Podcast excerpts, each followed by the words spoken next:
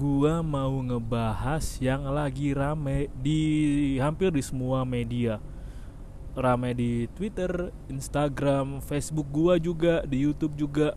Gua mau ngebahas soal Putri Aryani dan perjuangannya serta sebuah tweet yang wadididau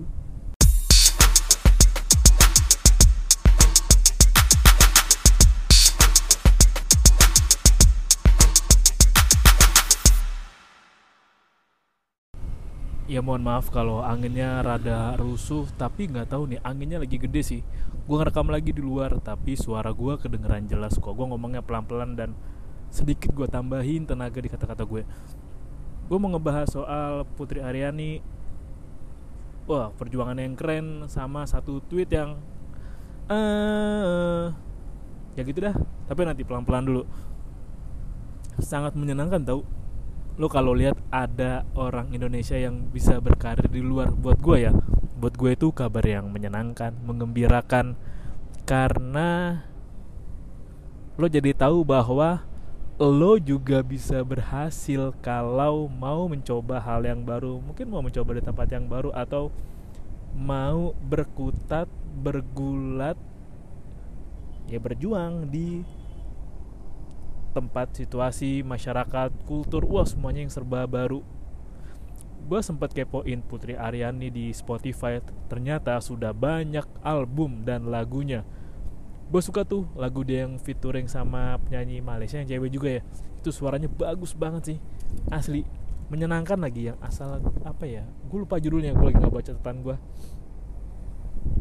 tapi itu lagunya menyenangkan buat didengerin. Cara pembawaan nyanyinya tuh ceria wah seru deh. Lu denger tuh denger bahagia tau. Terus pas gue liat kan gue liat ada kan yang di YouTube American Got Talent kan videonya. Yang dia diajak Simon eh di, diajak Simon dia kasih tau Simon ke panggung. Terus dilihat bagaimana dia nyanyi. Lu tahu nggak ini tuh sama yang gua rasain waktu pertama kali denger Iam Tongi nyanyi di audisi American Idol season 21 yang gue pernah bahas di beberapa episode lalu belum lama gue bahasnya. Lu tahu nggak persamaannya apa? Ketika Iam Tongi nyanyi sama Putri Aryani nyanyi ketika lu dengerin itu sama-sama lu itu ya kalau gue ngebawa gue tuh kayak lagi nggak di sini gue lagi kayak di dunia lain di alam lain.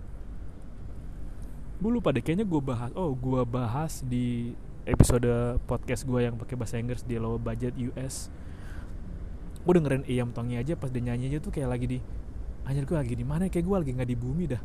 Kayaknya gue lagi nggak di dunia kayaknya gue lagi nggak di tempat gue dengerin.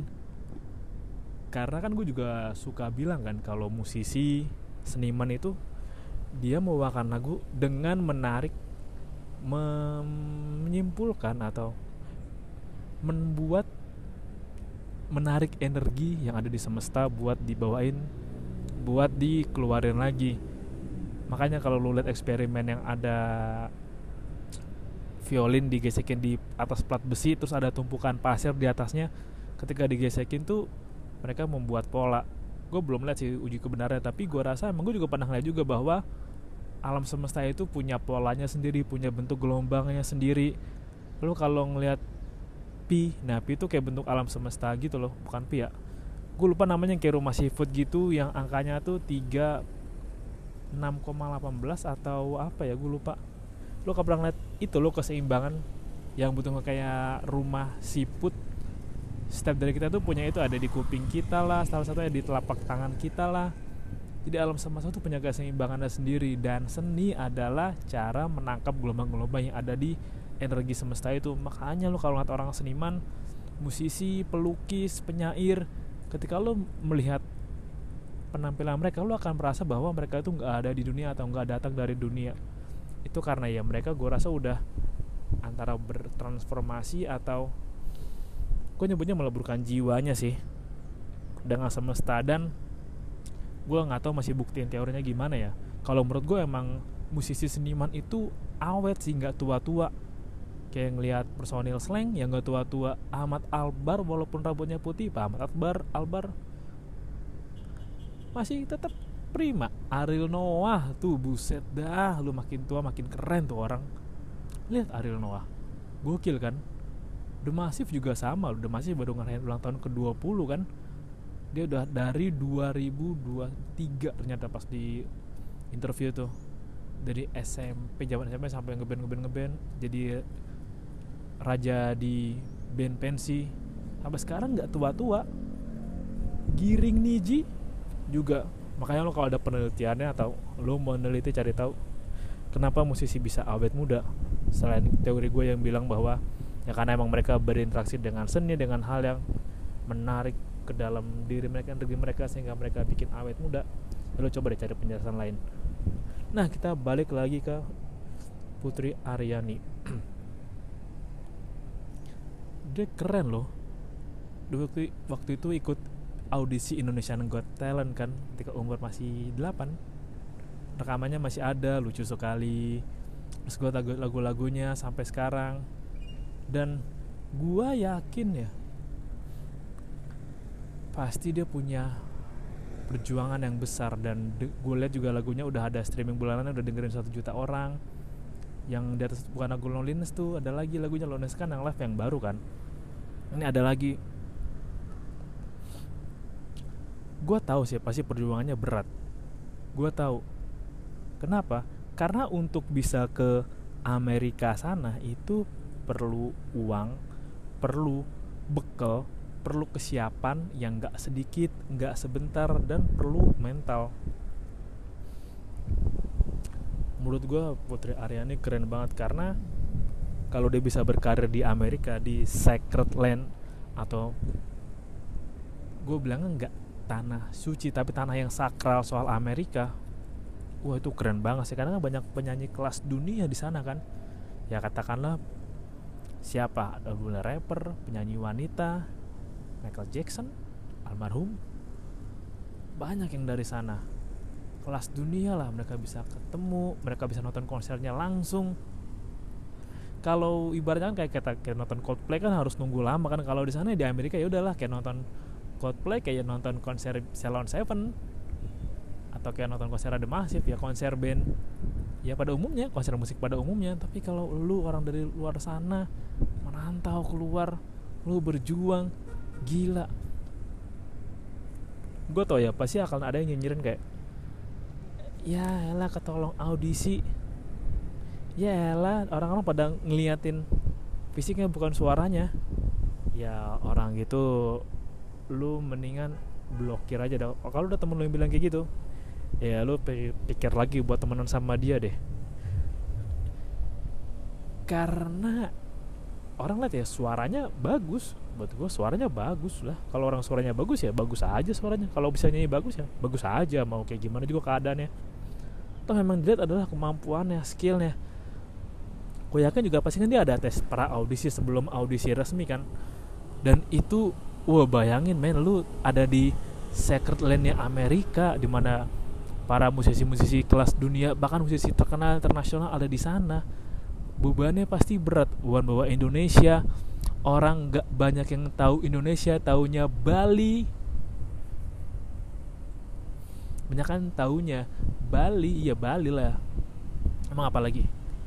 Indonesia ya kalau di sejarah kan ada keterkaitan tuh kita dengan Amerika kan yang dulu banget lu bisa cari tahu deh di buku-buku sejarah tapi bukan sejarah yang ada di sekolah.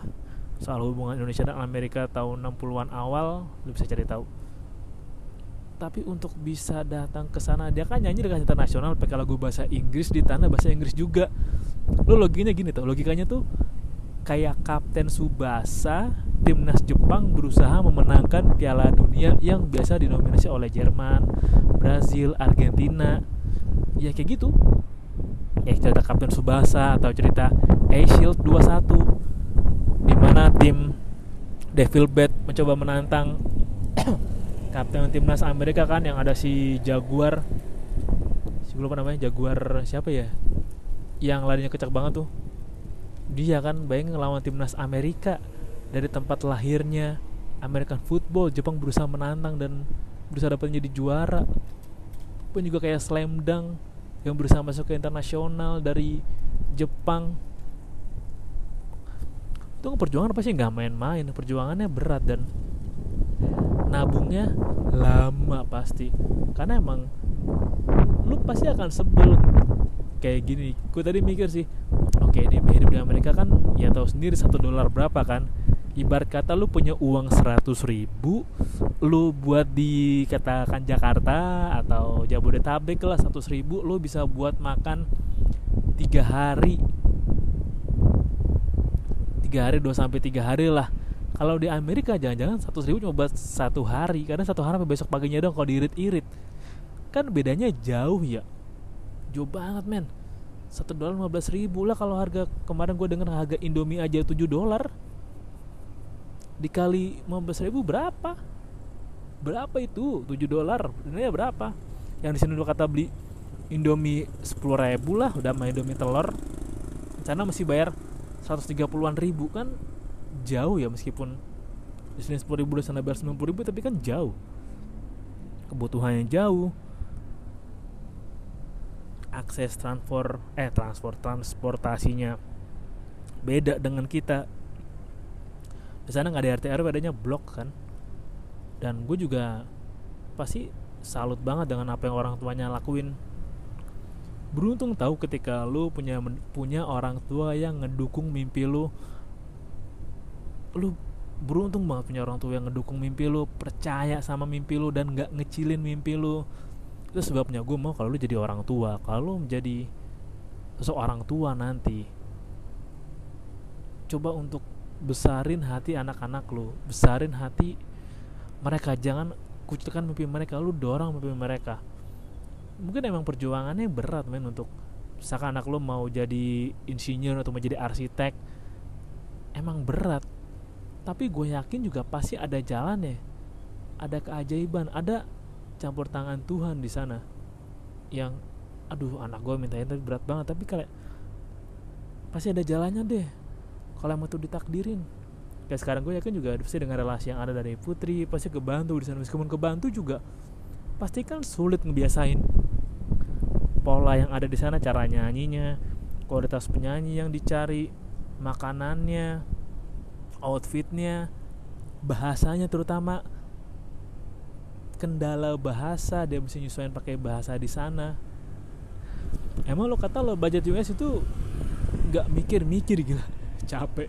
Jadi kalau emang gue bikin yang episode bahasa Inggris kian dulu episode pertama ya di lo budget biar connected pun itu udah gue scripted itu pun nggak begitu capek. Tapi kalau ngomong langsung nggak pakai teks itu capek.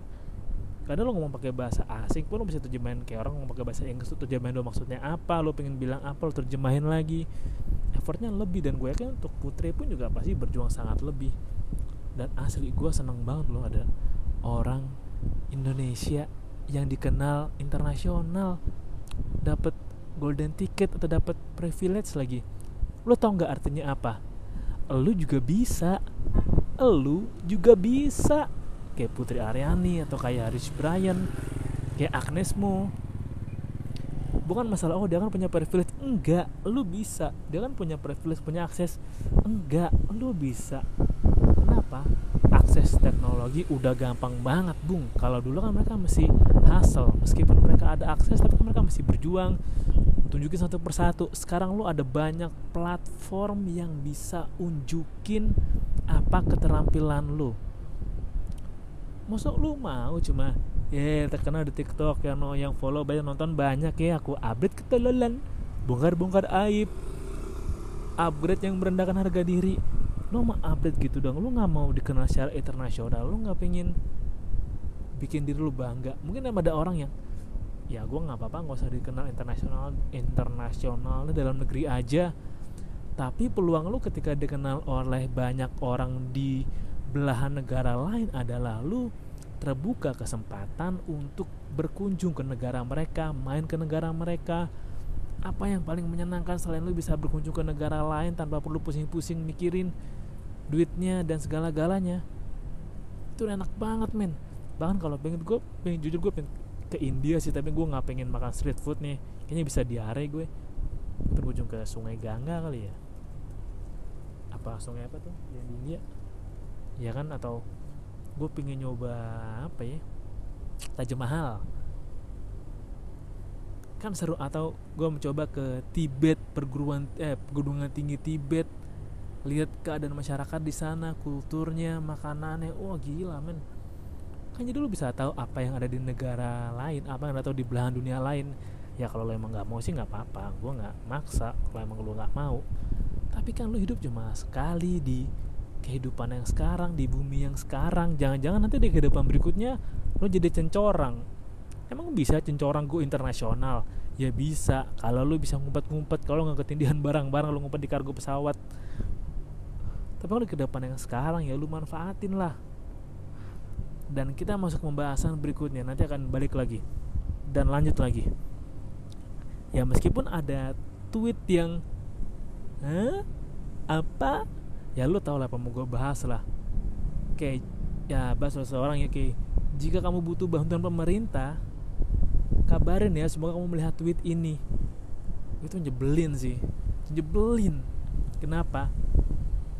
Oke konteks pertama adalah ya bisa emang tapi kan lu lihat dong. Sikonnya kedua jika butuh bantuan pemerintah ya tugas pemerintah untuk talent scout mana yang berbakat mana yang kompeten mana yang bisa dipromosin keluar kayak Korea mana yang bisa dikembangkan untuk jadi ekonomi baru untuk pemasukan negara kayak negara Korea yang keren banget. Menciptakan budaya boyband, girl band secara bagus dan jadi pemasukan negara ya kayak gitu. Lah lu talent scout gue jadi film basket yang diperanin si Adam Sandler deh. Yang dia talent scout gitu kan jadi ke pelosok-pelosok nyari pemain basket. Sama kayak coach Indra Safri dulu yang dia sempat masuk mana nyari talenta buat bola akhirnya dapet kan sekarang kan Pak Indra Safri. Ya lo kayak gitu juga dong. Masa juga butuh butuh bantuan pemerintah? Ya anda menciptakan dong. Anda menjaring dong anda buat standarnya prosedur untuk pemasaran keluarnya gimana atau mau diaspora kayak gimana talent scoutnya gimana penilaian karakternya gimana branding keluarnya kayak gimana estimasi setelah dari pemasaran dapat mau di branding keluar kayak gimana target pemasukannya berapa mungkin tapi disiapin tadi gue juga sempat lihat susunan di kementerian itu yang bilang lah yang harusnya tugasnya ya hal-hal yang terkait ekonomi ada yang berperan di situ dan ada sih.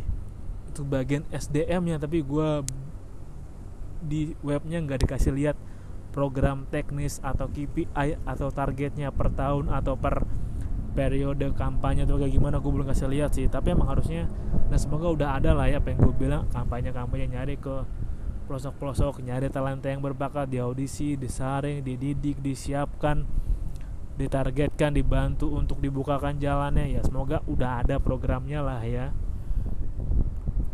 karena lo lihat men. Ih asli. Pengen lo ke Amerika sana untuk uji karir tapi kan harus bertahan lagi.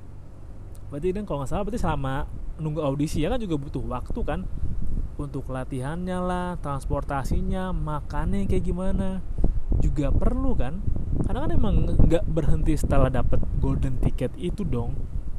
Itu yang justrunya oh ada oke okay, ada kita bantu gue suka sebel sih kalau gue boleh lompat dikit gue suka sebel sama orang yang ngelidikin Agnes Mo ah Agnes Mo kan ya berkarir di internasional nggak terkenal.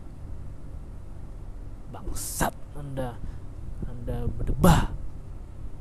Tolol. Ya, bilang aja iri kan nggak bisa kayak dia kan lo Agnesmo juga udah keren kali Agnesmo berkarya di luar tuh berat. Sesuai kebudayaannya dipandang rendah karena lo dari Asia bikin privilege lo sendiri dan lo ngatain. Itu keren banget Agnesmo Mbak Anggun C. Sasmi juga keren. Keren loh dengan suara yang sehebat itu. Daniel Sahuleka You Make My World So Colorful. Tahu gak Daniel Sahuleka lu? Wah itu keren banget ya sih. Rambutnya ikonik. Itu oh dulu kayak Sandi Sandoro. Oh, Itu juga keren sih. Keren itu Dia juga dari luar kan Terus bawa balik kemari kan. Ya keren. Lalu nyinyir doang. Punya prestasi kagak Berkarya kagak Konsumer doang pele terbanyak-banyakan sampai nunggak. Kalau nunggak nyalahin negara nggak bisa menyiapkan kredit yang murah. Lo mau jadi orang kayak gitu nyinyirin doang ya janganlah. Ayolah. Ini bikin apa yang Putri lakukan tuh bikin jadi semangat tau bikin jadi ngasih lo harapan kayak anjir ternyata orang kita juga bisa nih ke sana nih. Gue yakin juga ada orang lain orang kita yang berjaya di luar. Ada kan tuh yang bikin animator ya di Marvel ada kan itu juga keren keren loh standar dunia. Bahkan kayak Iko Uwais expendable yang baru dia muncul jadi tokoh utama loh. Ih keren Bang Iko Bang Iko itu ngebukain jalan bahwa kalau ada satu orang yang bisa pasti yang lain juga akan bisa akan nyusul. Nah PR lu adalah PR yang harus lakukan adalah ya lu kalau emang mau nargetin keluar lu ingin lebih dikenal orang banyak lu ingin menjadi lebih hebat ingin menguji seberapa hebat performa lu penampilan atau karya lu lu harus lebih banyak disiplin lebih harus banyak tekun lebih banyak maksa diri lu untuk bekerja demi mimpi lu lebih disiplin dan rajin untuk upgrade diri, upgrade karya, eksperimen sampai dapat bagus sampai dapat bagusnya sampai dapat hebatnya sampai dapat ini bisa gue promosin keluar nih. Karena bisa jadi ya kita tuh be realistic kalau emang kurang dihargai di sini coba di luar lah. Toh apa yang lo lakuin tuh bener-bener dihargain atau enggak kan kalau emang lo udah uji secara internasional kan? Misalkan di sini kurang teruji nih ya udahlah kita lempar keluar aja pas di luar sambutannya wah. Ya berarti lo masih menargetkan luar dong nggak dalam aja dong. Ya kan? Kapan lah kapan lo mau berusaha berjuang? Biar apa yang lu perjuangin karya lu musik lu puisi lu atau produk lu, ide lu bisa sampai keluar. Terima kasih sudah dengerin episode ini dan salam low budget.